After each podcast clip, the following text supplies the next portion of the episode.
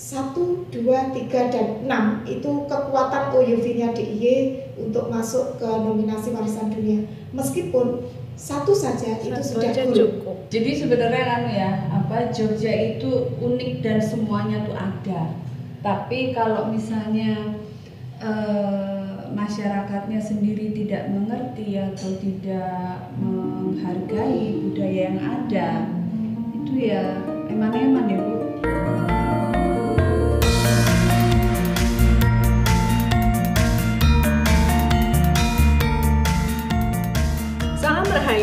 Kembali lagi di podcast Rembuk Roso Putri Kedaton. Eh, beberapa waktu lalu, saya sama Mbak Mbak itu ngobrol tentang keistimewaan tata ruang Yogyakarta dan warisan budaya UNESCO. Nah, kebetulan banget nih di episode kali ini Putri Kedaton kedatangan tamu yang membidangi urusan itu. Beliau adalah dadadadadadat Budian Laksmi Pratiwi. Ada juga Mbak Kirono yang juga bakalan ngobrol bareng kita untuk menjelaskan upaya Keraton Yogyakarta mendukung pemerintah dalam menjadikan tata ruang Yogyakarta ini sebagai warisan budaya dunia.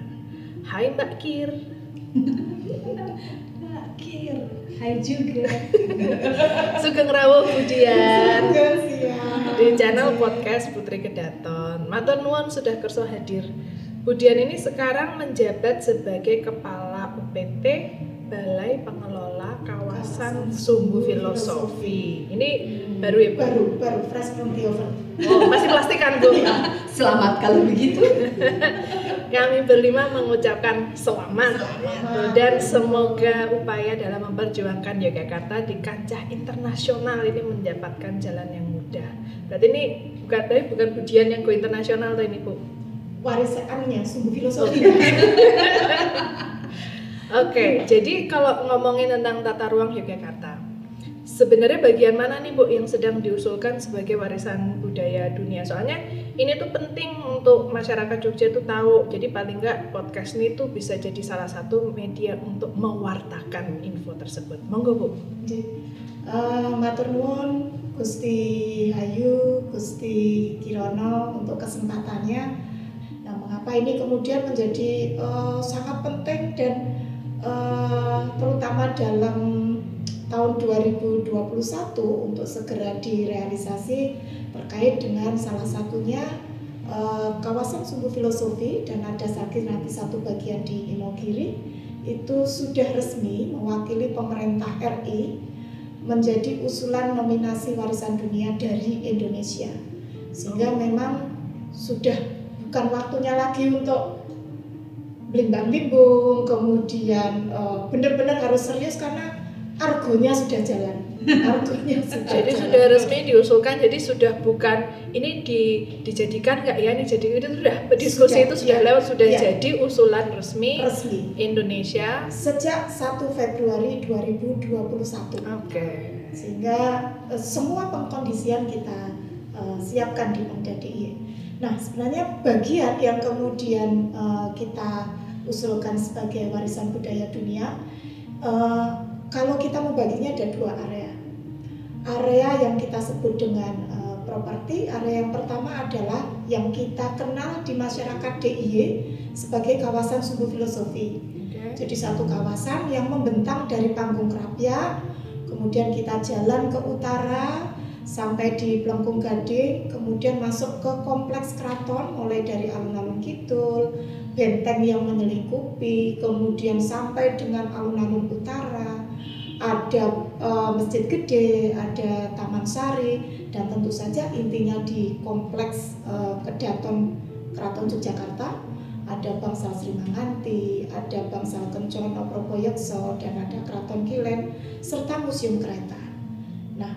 Mengapa area-area tersebut? Karena area-area tersebut ini adalah salah satu bangunan-bangunan yang dalam tanda petik masih asli dulu pernah Hmm. eh, direncanakan oleh pendiri keraton pertama Sri Sultan Hamengkubuwono I Pangeran Mangkubumi meskipun perkembangan ada rehab ada eh, revitalisasi tetapi itulah bangunan yang eh, area ini membentang dari mulai Panggung Krapia kemudian kita berjalan lurus ke utara aksis jalannya itu juga bagian dari struktur jalan yang kemudian uh, diusulkan. Jadi aksis porosnya itu kemudian kompleks keraton yang mulai dari benteng secara keseluruhan, kemudian dari alun-alun utara, eh, alun-alun kidul sampai dengan alun-alun utara.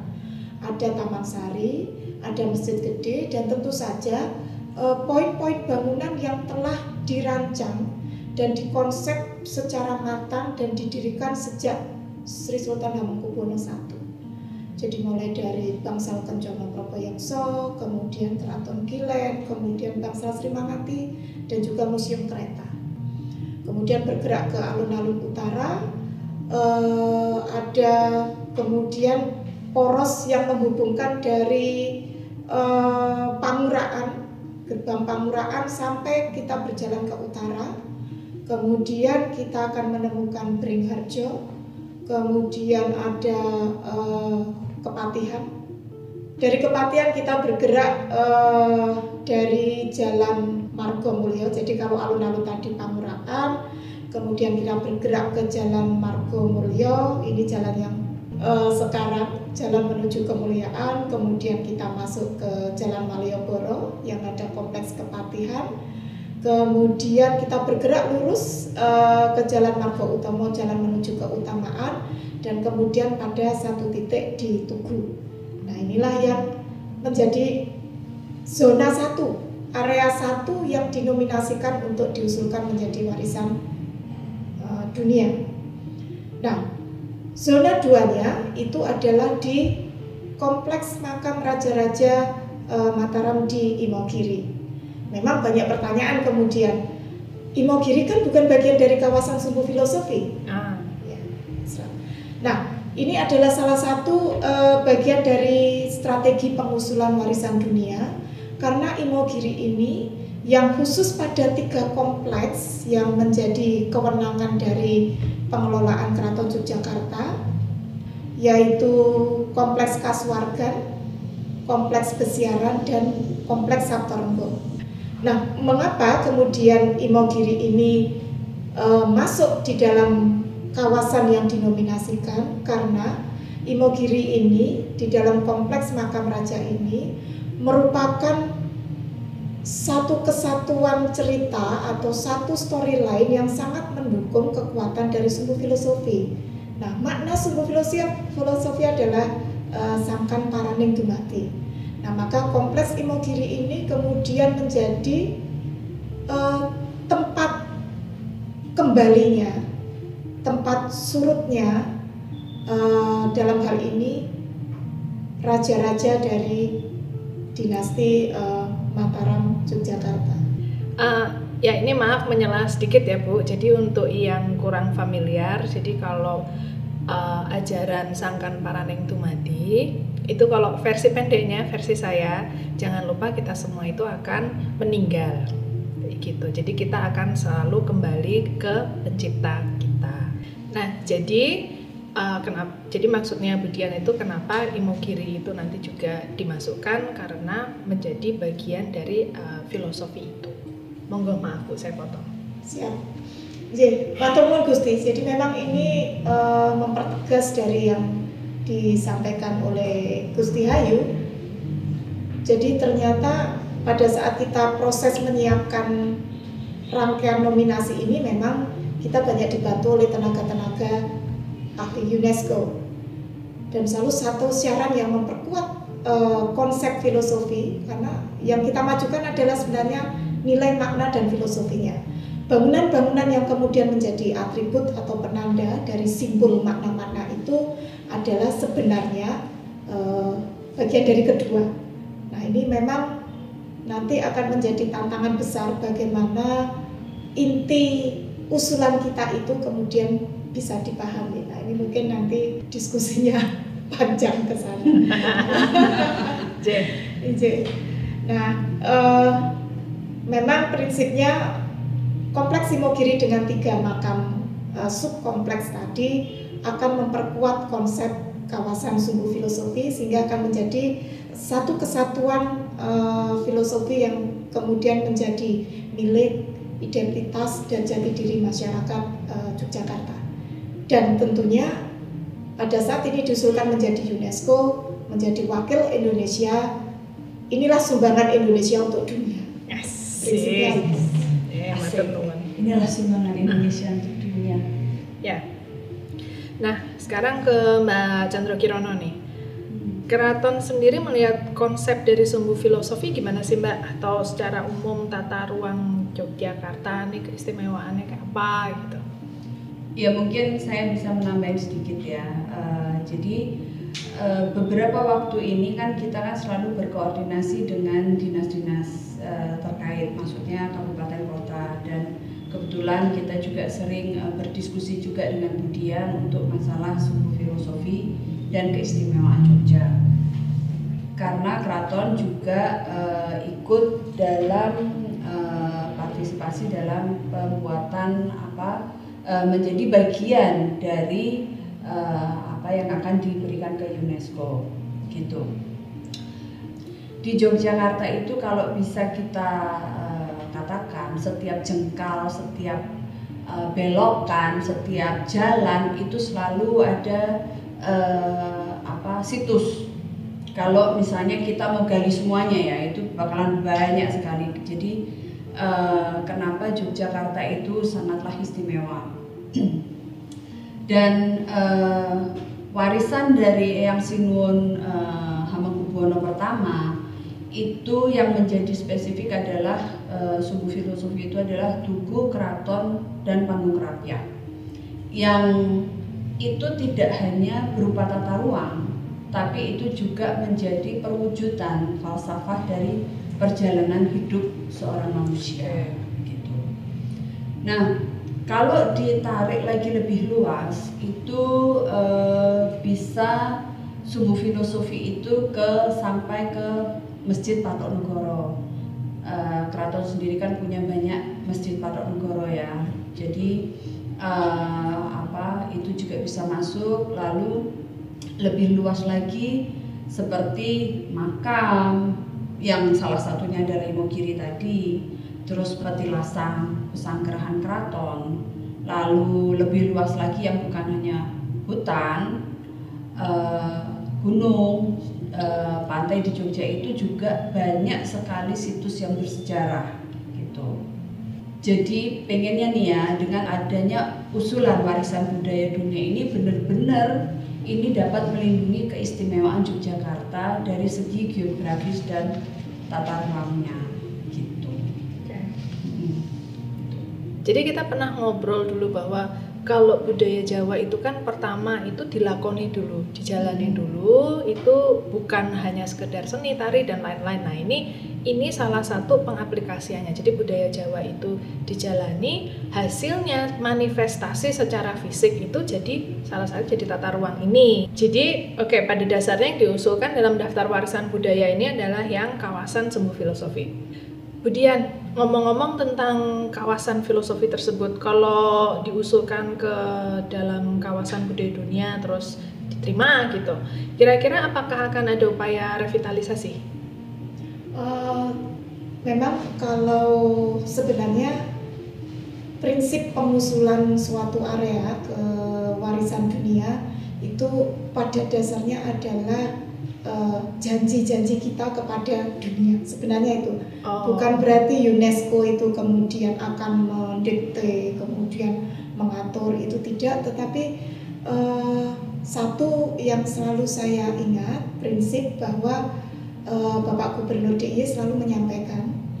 Jadi prinsip yang paling mendasar adalah bahwa dengan proses-proses menuju warisan dunia itu adalah meneguhkan dan menguatkan keistimewaan DIY karena makna dan filosofi dari kehidupan masyarakat DIY inilah yang kemudian akan menjadi eh, satu inti utama pengusulan maka eh, beberapa hal yang nanti kemudian akan kita kondisikan terhadap apa yang kemudian kita janjikan kepada UNESCO kita tuangkan ke dalam satu naskah atau dokumen yang isinya sebenarnya ada dua.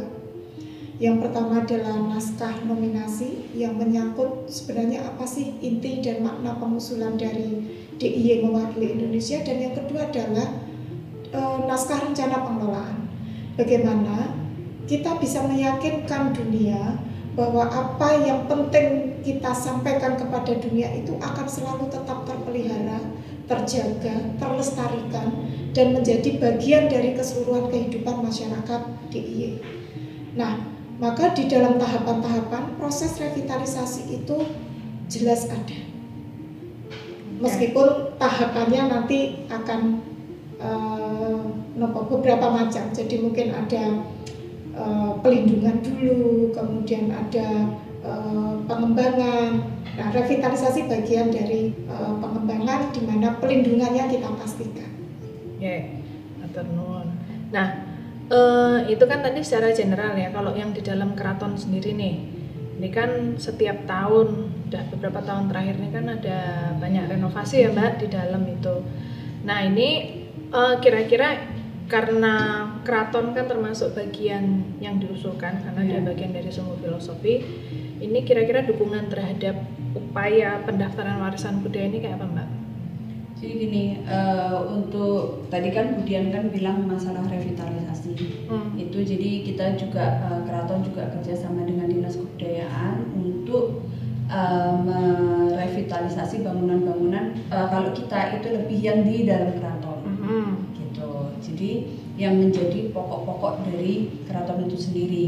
Yang mungkin yang paling apa paling uh, dekat uh, ini kan uh, pojok beteng sama alun-alun yeah. gitu ya kan. Nah sekitar tahun 2017 itu kita sudah mulai dengan uh, Bangsal Kencono sama Gedung Proboyoso. Itu kawasan paling intinya. Paling inti di dalam keraton. Itu gitu. terakhir sebelumnya direnovasi kapan tuh Mbak? Padahal kan kemarin tahun... kondisinya udah anu banget. Kayaknya udah lama banget ya. Udah, lama udah banyak banyak yang propos kan waktu itu. Kalau nggak salah terakhir. 8 berapa ya? 8 Iya, 80-an ya, itulah ya. Lah itu. Ya berarti kan meh sama umurnya sama aku ya. gitu. Ya, monggo-monggo okay. terus. Nah, terus uh, eh, 2018 kita mulai di Komplek Kesatrian. Lalu juga ada Bangsal Sri Manganti sama uh, Magangan gitu. Hmm. Nah, kalau nggak salah 2006 itu kan Bangsal Terajun Mas kan pernah roboh tuh karena ya, adanya gempa. Nah, itu juga e, karena roboh akhirnya kita revitalisasi sekitar tahun 2016 kalau nggak salah. Oh, oke. Okay. Gitu. Nah, lalu 2019 kita masuk di gedung Pasedahan, gedung Patehan sama gedung lukisan. Nah, terus di 2020 kemarin itu kita memperbaiki gedung Purworetno, Bangsal Mandalosono, uh, gedung Perintah Ageng, Bangsal Manis, terus Regol Dono Pratopo sama Dalam Pengulon gitu. Nah di 2021 ini kita juga ada beberapa gitu, cuman uh, contohnya mungkin Siti Hinggil ya gitu, Siti Hinggil uh, sama kita akan pengecatan ulang kembali uh, gedung Jeni sama uh, ada beberapa lokasi yang di Keputren gitu. Oke, sekedar gambaran si Tinggil itu lokasinya di Pagelaran, Pagelaran yang atas itu kalau naik ya. itu. Lalu uh, gedung Jeni itu dulu kediamannya Ngarso Dalam ke-9. Ya. Sekarang seringnya dipakai Pakai untuk menerima, menerima tamu. tamu negara. Ya. Jadi tamu-tamunya Ngarso Dalam yang uh, ya kayak Pak Presiden kalau berkunjung itu di situ. Ya, Jadi kan bus, ya kita besar segala macam tamu-tamu negara di situ. Ya. Oke, sekarang yang agak serius pertanyaannya untuk Budian. Tadi kan ngomong acara uh, rencana pengelolaan. Itu kira-kira apa yang masuk gitu, Bu? Oke. Kalau uh, rencana pengelolaan, nah ini memang menjadi syarat wajib di dalam setiap uh, naskah pengusulan yang jelas prinsip adalah semua atribut yang kita nominasikan. Atribut itu apa Bu? Atribut itu adalah penanda dalam hal ini bangunan yang menjadi uh, simbolik dari makna atau filosofi tersebut. Okay. Jadi selalu kita akan punya rencana-rencana penataan mulai dari panggung kerapian, kita akan punya rencana-rencana penataan untuk Taman Sari, kompleks keraton tentunya atas uh, arahan dari uh, Keraton Yogyakarta uh, Hadiningrat sendiri. Kemudian kita punya rencana revitalisasi juga untuk uh, Masjid Gede. Kemudian juga ke Taman Sari sudah ya. Kemudian Beringharjo juga akan menjadi bagian Eh, kompleks kepatian juga akan menjadi bagian meskipun secara progres ada beberapa yang sudah kita lakukan. Hmm. Contoh yang di kompleks kepatian kita sudah mulai mencoba uh, revitalisasi pintu gerbang selatan. Yeah. Itu juga salah satunya. Kemudian uh, penataan kawasan yang ditunggu itu juga menjadi bagian dari tahapan-tahapan yang sudah kita lakukan tapi uh, masuk di dalam rencana pengelolaan. Termasuk juga kalau kita bicara tentang pedestrian Malioboro, kemudian yang tadi disampaikan Gusti uh, Kirona terkait dengan pojok benteng, lorwetan yang kemudian uh, menguatkan kembali identitas properti atributnya benteng, kemudian yang di alun-alun, penataan dan lain-lain, ya pada prinsipnya tahapan-tahapan untuk kita bisa lebih memperkuat Eh, penanda-penanda tersebut. Ya, jadi berarti kan kayak misalnya berarti apa yang nanti kalau penataan dan pengelolaan itu kan berarti apa yang masuk dalam semua filosofi semuanya itu bisa harus ya kayak di tirik-tirik ini dipastikan hal-hal kecil pun gitu kan yang termasuk dari bagian filosofi jadi kayak waktu itu juga kita pernah membahas dulu itu uh, kan biasanya pohonnya itu hanya pakel dan kueni gitu karena itu ada iya, maknanya. Ya, Mak kemarin ya, setelah dihitung setelah dihitung tim Tondo Yekti udah rata-rata jadi mana, mana lagi?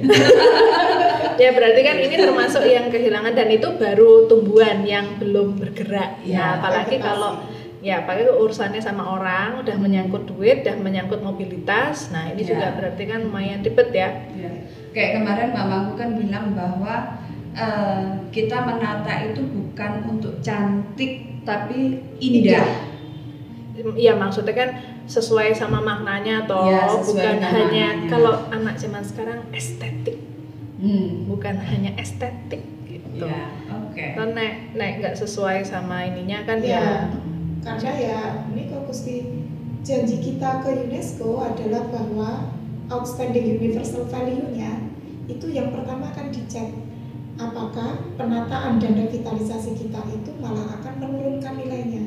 Oke. Okay. Otentisitasnya, integritinya, nah, sebenarnya itu yang titik poin utama. Hmm. Makanya sepakat tadi iya. indah. Yeah. Indah, bukan cantik. Bukan cantik. cantik kalau tidak indah. Ya untuk apa? UV-nya turun. kalau saya cantik dan juga indah, nah, gimana? Harusnya begitu ya eh tunggu tunggu ini ini apa tadi membahas yang outstanding universal value nih mungkin uh, kalau nggak salah tuh kan apa ada 10 kriteria ya bu ya? Ya betul 10 kriteria. Nah ini kalau Jogja masuk dalam kriteria apa aja nih bu? Ya. Sebenarnya kalau syarat menjadi warisan dunia satu kriteria aja sebenarnya kita udah bisa masuk. Oh gitu. Tapi sebenarnya Yogyakarta luar biasa. Kita cek ternyata kita punya empat kriteria kriteria yang uh, masuk memenuhi untuk uh, usulan kita yang pertama adalah kriteria satu. Ini jelas kriteria satu itu uh, mewakili satu mahakarya yang jenius. Jadi kembali kepada penciptanya Sri Sultan Hamengkubuwono I oh, Pangeran Mangkubumi itu adalah uh, satu sosok yang mewakili kriteria satu. Oke. Okay. Di mana semua konsep plannernya, tata kotanya itu luar biasa ada uh, behind the scene-nya yang kemudian tugas kita sekarang untuk menyampaikan. Behind the scene-nya adalah nilai dan makna filosofinya itu. Padahal itu udah lama sekali ya, Dan ya? itu lama sekali.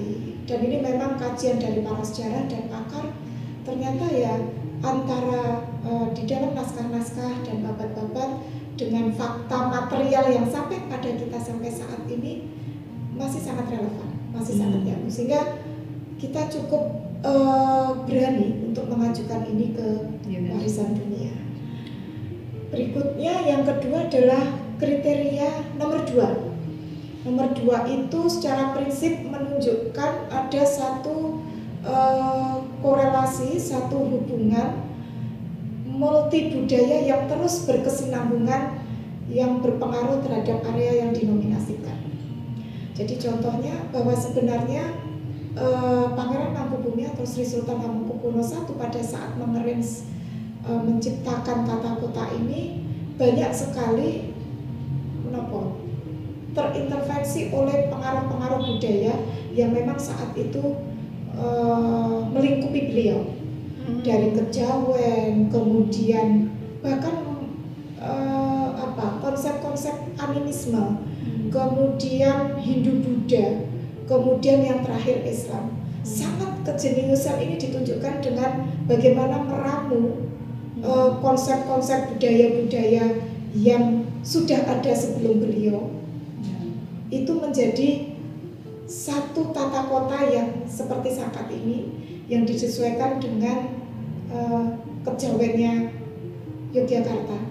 Bahwa di situ ada konsep Linggayoni, ada konsep uh, apa kalau di Bali itu kayak Trihita Karana itu ya. Hmm. Jadi ada konsep-konsep uh, Hindu jadi seperti panggung kerapia dan kemudian tugu dan lain-lain.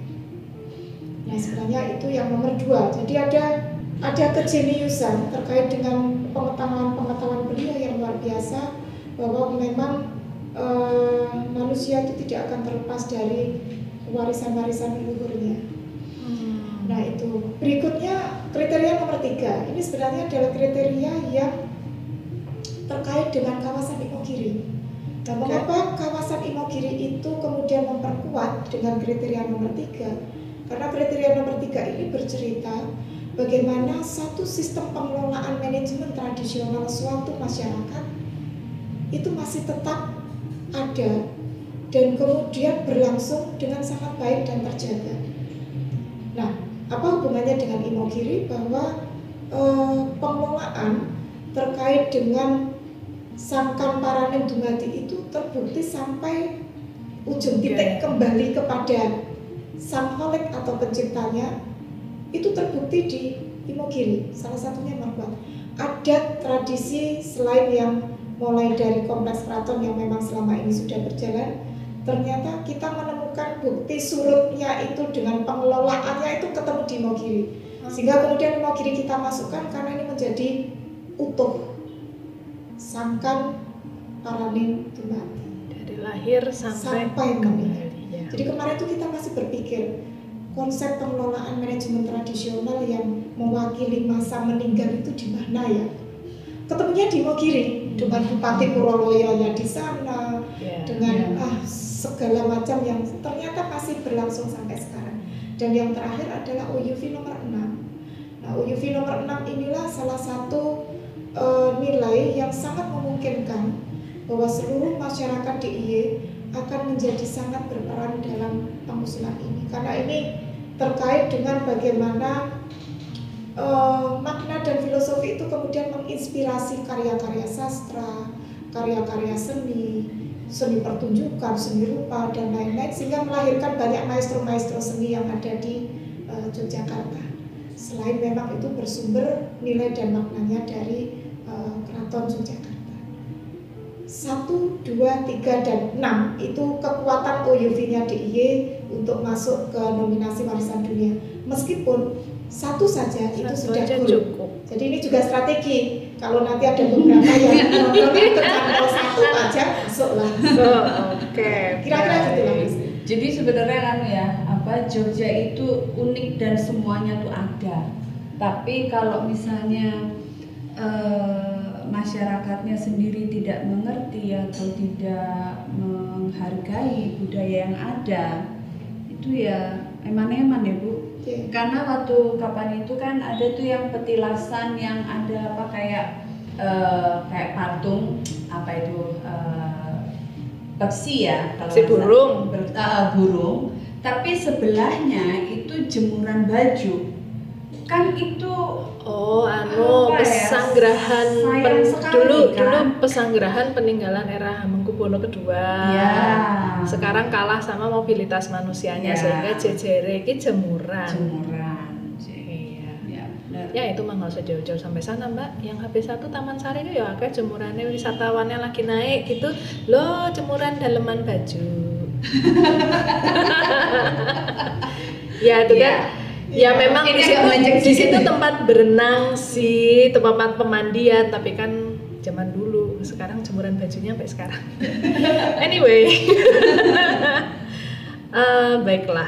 Jadi ini kalau Budian kalau misalnya dilihat dari penilaiannya berarti kan ya itu ya nggak gampang ya. Kita masukin empat berharap paling nggak kecantol satu lah kalau Iya. yang tiga gogrok nah terus lalu bagaimana yang sekarang langkah Pemda DIY jadi apakah ada timeline atau sudah sejauh mana proses pengajuan ini kan sudah di sana ya terus apakah kita hanya nunggu atau sambil menunggu itu ada pe- pengerjaan yang lain gitu Ya.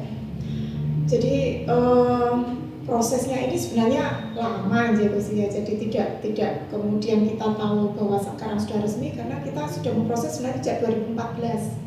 Oh, wow. 2014. Jadi memang rata-rata eh, yang di Indonesia misalnya eh, teman-teman kami yang di Subak, Bali, kemudian yang di Sawah Lunto yang terakhir kemarin 2019 rata-rata memang antara 12 sampai 15 tahun. Tapi ya kemarin waktu ditanya Pak Gub apa iya kata kita mau sepanjang itu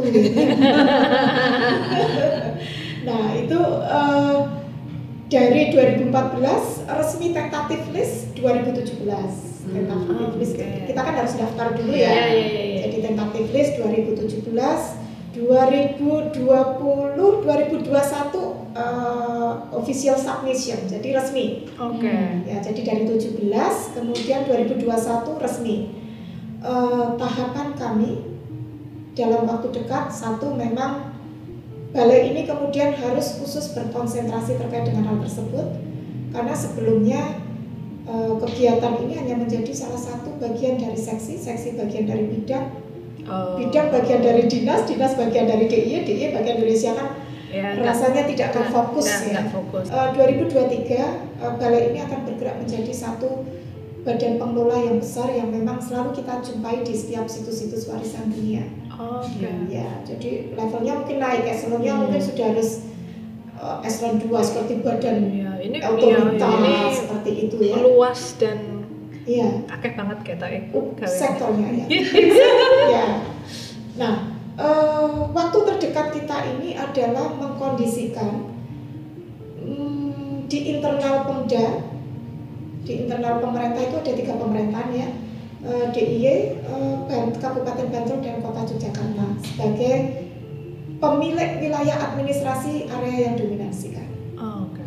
Nah sehingga eh, banyak hal yang sedang kita siapkan dengan semua stakeholders baik pemerintah berikutnya dari masyarakat. Masyarakat bisa mewakili akademisi para pelestari masyarakat umum yang di tingkat kecamatan kelurahan desa RT RW desa wisma karang taruna rembuk-rembuk warga. Nah inilah yang sedang kita eh, strukturkan sedang kita rekayasa by design supaya kenapa sampailah kepada eh, masyarakat-masyarakat di tingkat bawah. Prinsip kita akan mengatasi lima hal. Bagaimana usulan kita mampu bertahan terhadap tekanan pembangunan, mampu bertahan terhadap tekanan lingkungan. Yang ketiga adalah mampu bertahan terhadap bencana. Ah, Bencana jangan dipersepsikan hanya bencana alam,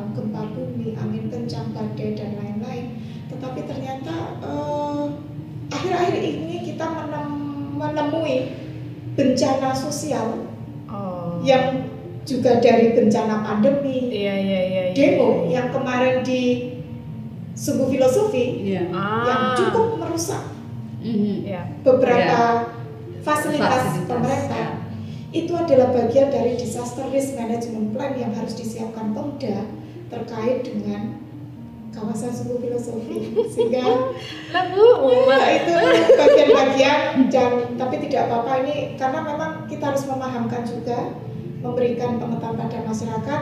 Eh, kami prinsipnya tiga. Tepung dulu serawung dunung. Jadi kenalkan dulu karena kalau tidak kenal ya juga tidak sayang Iya. ada tahapan. Jadi kita siapkan satu konsep pola sosialisasi. Jadi Matur nuwun sangat ini difasilitasi dari uh, Gusti Mangku, Gusti Kirono dan juga Gusti Ayu, Gusti Pendoro. Jadi kami punya satu saluran untuk berkomunikasi tiap Senin dan Kamis.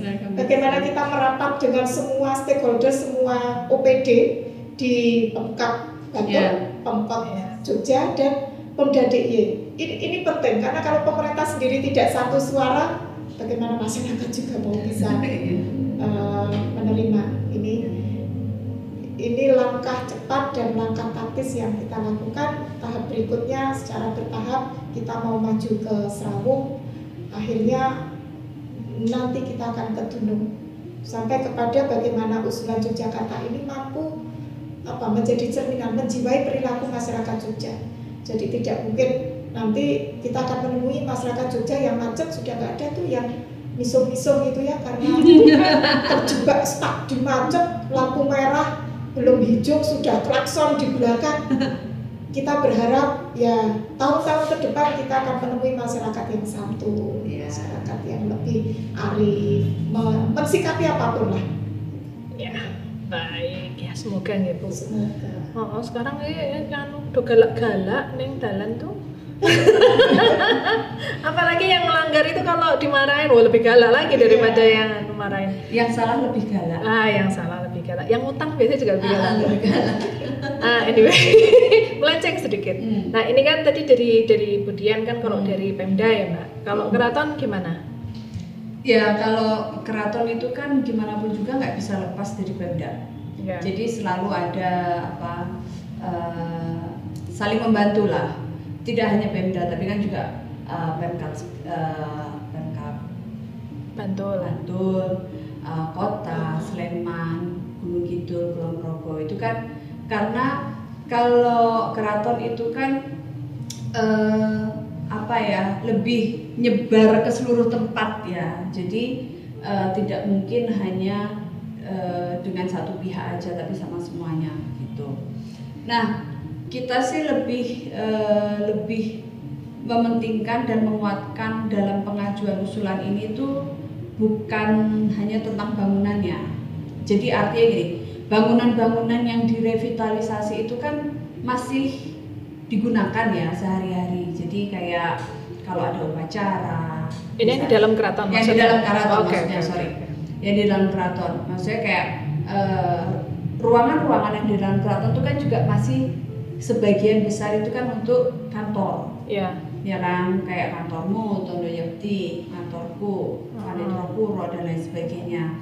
Uh, ada beberapa juga uh, seperti Bangsa Sri Manganti, Bangsa Pencono itu kan terus misalnya di pagelaran itu kan juga ada so, untuk, ya. masih ada untuk upacara seperti misalnya nih ya seperti juga gerbek atau sekaten itu kan juga upacara-upacara yang di dalam itu kan udah ratusan tahun lah kita tetap nguri-nguri kebudayaan ya, meskipun ya istilahnya dalam pandemi ini bentuknya jadi lebih jadi simple, lebih simple kita kita pastikan itu tidak terbuka untuk umum karena uh -uh. itu kan biasanya itu kan ada untuk di di woro-woro itu kan untuk biar masyarakat tuh datang gitu kan cuma kan yeah. kalau sekarang lebih baik tidak disah di woro-woro kita diam-diam saja tapi yes. pada intinya esensinya nggak berubah yeah. uh ya seperti hati negari kemarin kan juga ya full online full online tetap gitu Okay. Nah, artinya keraton memegang peranan penting untuk menjaga warisan kebuda uh, warisan budaya tak benda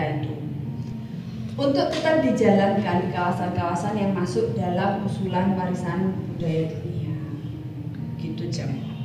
Berbicara tentang keterlibatan masyarakat nih, untuk Budian gitu sejauh mana Pemda DIY menggandeng masyarakat untuk menyukseskan ya yang sudah dilakukan sekarang lah gitu kan tadi kan ada rencana untuk yang ke depannya tadi yang sekarang tuh sampai mana atau ya. jangka dekat ini jangka dekat ya jadi uh, ini mungkin hal yang sangat penting untuk lebih kita tonjolkan kepada masyarakat itu sebenarnya apa sih manfaat menjadi warisan dunia gitu kan. Okay. Jadi kalau manfaatnya ini kemudian uh, mampu mensejahterakan masyarakat, mensejahterakan itu bukan hanya berarti material ya, uh, tetapi juga imaterial. Ada satu kenyamanan, ada satu rasa uh, apa ya, rasa hormat terhadap eh, kehidupan kita dengan warisan-warisan luhur itu juga bagian dari kes- kesejahteraan.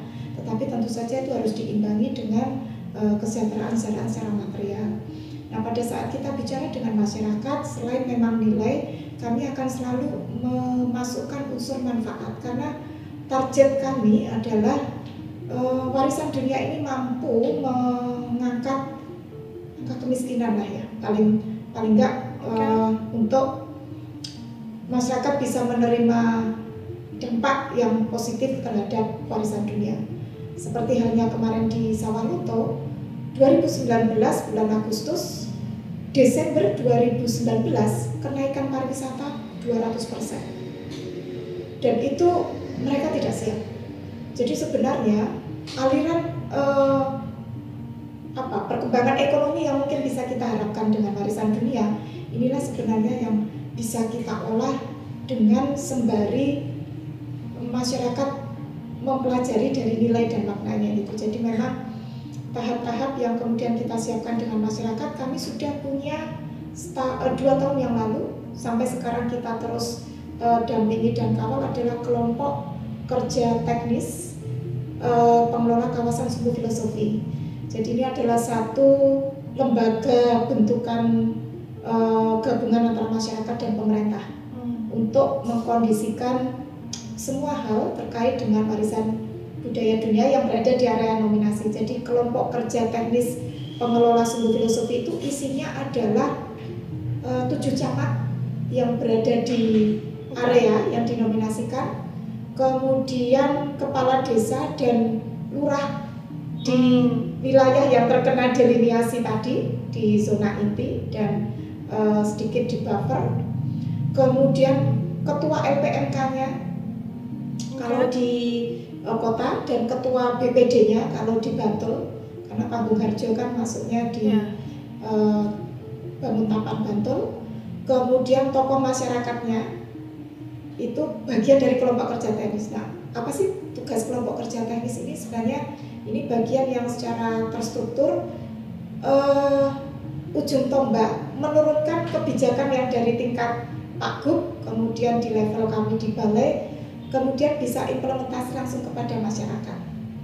Hmm. Jadi kami memfasilitasi mereka untuk kemudian bisa blend dengan masyarakatnya karena mereka yang paling tahu sikon dengan masyarakatnya itu melalui mungkin rem- rembuk di RT RW-nya kemudian eh, dan lain-lain mereka menjadi apa semacam jubir atau semacam fasilitator terkait dengan program-program supaya boten ujuk-ujuk gitu ya jadi masyarakat kemudian akan Ya. lebih lebih siap oh, eh, tahu kemudian eh, ini tuh apa sih fungsinya apa tujuannya apa meminimalisir juga untuk beberapa eh, mungkin berita-berita yang tidak tepat tidak akurat dan Ya. lain-lain selain memang bentuk-bentuk sosialisasi yang coba kita sesuaikan dengan zaman dan masa dengan berbagai macam eh, media dengan berbagai macam sektor dengan berbagai macam bentuk kegiatan eh, itu yang sudah kita jalankan. Nah ini yang mungkin masih akan kita lakukan terus dengan masyarakat. Prinsip sampai kemudian masyarakat bisa merasakan, oh ternyata eh, ada manfaat yang bisa saya ambil. Ide kreasi ini yang kemudian kita kerjasama dengan eh, pemberdayaan masyarakat di area warisan dunia oleh UNESCO, UNESCO Jakarta. Jadi ada program kita muda kreatif itu adalah eh, satu program dari UNESCO Jakarta untuk pemberdayaan generasi muda di area warisan dunia. Tidak hanya warisan dunia tapi di kawasan-kawasan strategis pariwisata. Oke. Jadi fasilitasi pendampingan kepada eh, generasi muda usia mulai dari 18 sampai berapa lupa saya 30-an untuk mereka menjadi entrepreneur dengan eh, subjek eh, objek sasaran kreasi mereka yang berinisiatif atau bersumber berinspirasi dari Ya. warisan dunia atau objek budayanya itu sampai pemberian eh, apa jalan untuk menjadi lebih bisnis usahanya lebih settle Oke. lebih ah, seperti seperti itu Soalnya ya ini kan aku bayangin kalau tadi misalnya sawah lunto uh, terus tiba-tiba ada lonjakan uh, turis gitu kan belum siap.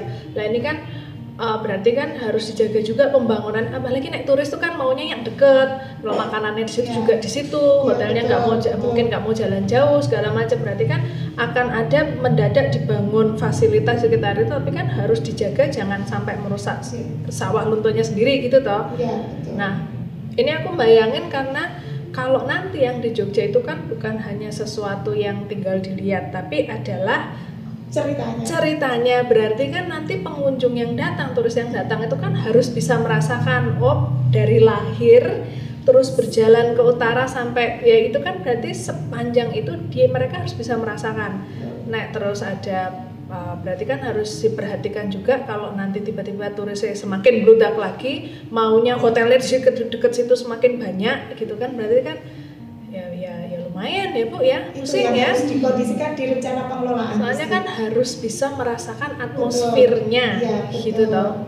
Nah, dawuh Pak Gub memang kita harus berbeda dengan yang ada selama ini. Jangan konsep memanjakan wisatawan, tapi Iya. biarkan wisatawan yang menghormati Iya. kondisi warisan budaya kita. Kalau mau jalan berapa kilo, jalan aja. Ya soalnya kan Jangan bikin sesuatu ya yang kalau, membuat kalau mereka orang kemudian orang Jogja itu kan kadang ha tamu masa nggak diderek kayak kan gitu toh tapi kan akhirnya ya jalannya kecil-kecil tuh kan juga jadi malah bikin macet di dalam beteng gitu kan ya kurang lebih ya sih kalau yang di kita pernah apa mau visit Buckingham tuh kan lihat Iya. jalannya ngoyo tenan itu toh Iya. Eh, apa parkirnya parkirnya di mana jauh, Oh. masuknya di mana, mana dan sebagainya. mana di sana kan masih mengalami winter segala macem gitu Iya. kan Mm. ya, ya, kalau jadi- bisa sih sekitar apa ya eh, ya seperti sekarang lah kalau mau ke keraton itu kan parkirnya di apa, apa Ngabean. Ngabean atau di yang mana Eh, depan. Senopati. Senopati. Senopati. ya itu kan lumayan jauh tuh kan gitu untuk Ya. orang Indonesia lumayan jauh gitu Oh. dan ya kalau aku sih memang bagaimana kita harus memfasilitasi juga untuk orang-orang pejalan kaki itu agar nyaman ya betul. gitu Hmm, ya tapi Ya. juga edukasi juga mbak soalnya Ya. yang ini ini ini yang aku agak gemes itu kan di depan kantor pos itu kan trotoarnya segede itu. Ya, itu masih jalannya masih di jalan. tetap jalan Jalan tetap di aspal. jalan aspal.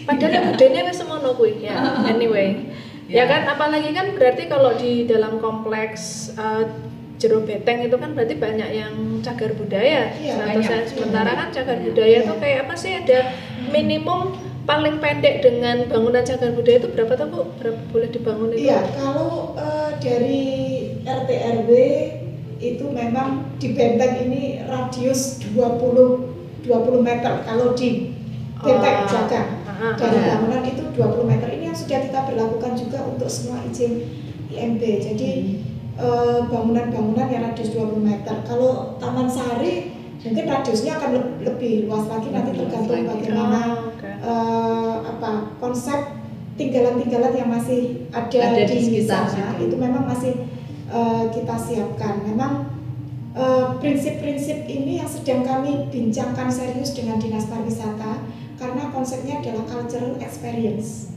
ya Nah, begitu kita bicara cultural experience, Gusti Hayu tadi bilang bagaimana orang bisa merasakan sangkan paladin dumati masuk itu ya filosofinya Ya. ke mereka, maka infrastrukturnya pariwisata harus ditata. harus menyesuaikan itu bukan kita menyesuaikan infrastruktur pariwisata. oke Iya. ya Itu itu yang harus harus tapi ya, ya tapi tergantung juga sih kan mungkin ya dilihat juga batasannya. Istilahnya bisa dikembalikan seperti dulu tuh sejauh apa. Iya, soalnya kalau. Taman Sari kan dulu dari keraton ke Taman Sari pakai perahu ya bener-bener di sana taman air gitu Taman kan sebenarnya. Sekarang kan nggak mungkin kan pakai perahu ke sana. Ah, never say never. Siapa tahu ya mungkin bukan bukan masanya kita tapi Iya, siapa Betul, tahu mungkin khusus. 50 tahun lagi uang kolosium dulu bisa ditutup di flooded jadi perang kapal kok di dalam kolosium nah ini kan apalagi Taman Sari yang kita dari keraton harus pakai perahu gitu. Wow. Bukan hanya kereta kuda tapi perahu. Ya. Ya. Ya anyway agak-agak melenceng sana sini sana sini. Soalnya uh, ya ini agak melenceng sana sini. Aku soalnya kebayang nih Budian tuh pasti mumet. Ya ini ini ini ini merup, kayaknya ini merupakan sesuatu yang enggak juga mungkin masih ongoing. ongoing. Zamannya nanti Suryo dan mungkin nanti Suryo punya anak gitu juga mungkin masih proses ya. Kita ya. Iya, ya. tapi yang penting kita itu, ya. menyiapkan fondasinya aja Bu ya. Kita sudah on the right track pada ya. uh, ketentuan-ketentuan yang memang sudah kita sampaikan ke warisan dunia itu. Cek. Keraton sendiri kan juga sekarang bebenah istilahnya kan begitu. Ya, ya dirapikan ya. ya. Hmm. Bebenah semuanya. Ya mungkin memang ini agak apa ya ya namanya manusia itu kan kalau sama perubahan itu kan biasanya hmm. reaksi pertama pasti akan defensif ya. Wong namanya keluar dari comfort zone itu kan ya ya ya tidak nyaman ya, tidak nyaman sehingga memang sosialisasi pendekatan-pendekatan kita ke masyarakat bagaimana juga masyarakat tidak terpinggirkan itu menjadi uh, target kita yang paling penting. Ya. bagaimana semua bisa saling bisa mengapresiasi karena terus terang uh, dukungan terhadap warisan dunia juga harus dari uh, masyarakat juga. Ini yang kemudian harus kita pikirkan bersama iya. ke depan. Bersama Pak Budian aja? Oh. ya sebenarnya pada intinya adalah bagaimana manusia mengapresiasi apa yang menjadi peninggalan. Ya itu sih. Ya ya ya memang istilahnya jangan kalau ya udah bagus tuh ya jangan dirusak gitu lah. Ya cuma coret ya cuma ya soalnya kan memang kalau zaman sekarang tuh kan orang semakin sibuk jadi semakin pragmatis ya, ya jadi mungkin kalau apa yang kelihatannya old fashion apalagi dengan teknologi begini kan uh, katanya batasan negara itu sudah sudah sudah nggak ada. Jadi memang tendensinya jadi manusia tuh lebih individualistis. Ya, ya nggak usah jauh-jauh saya juga begitu. Hmm. cuma ini berusaha untuk tetap uh, apa sih kalau Mas dalam pernah bilang itu uh, orang Jogja itu kan poin utamanya adalah kebersamaan. Ya betul. Ya jadi makanya kalau kata Budian kita bersama-sama memikirkan. Cari teman nih. Golek bolo. Golek bolo betul Baik Bu, ini melihat proses yang panjang dan tidak mudah, saya ucapkan selamat berjuang.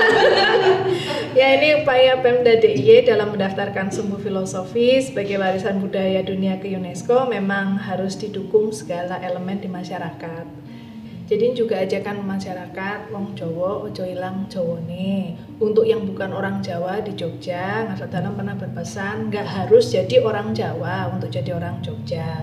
Tapi paling enggak mengerti dan mengapresiasi budaya lokal yang ada di Jogja.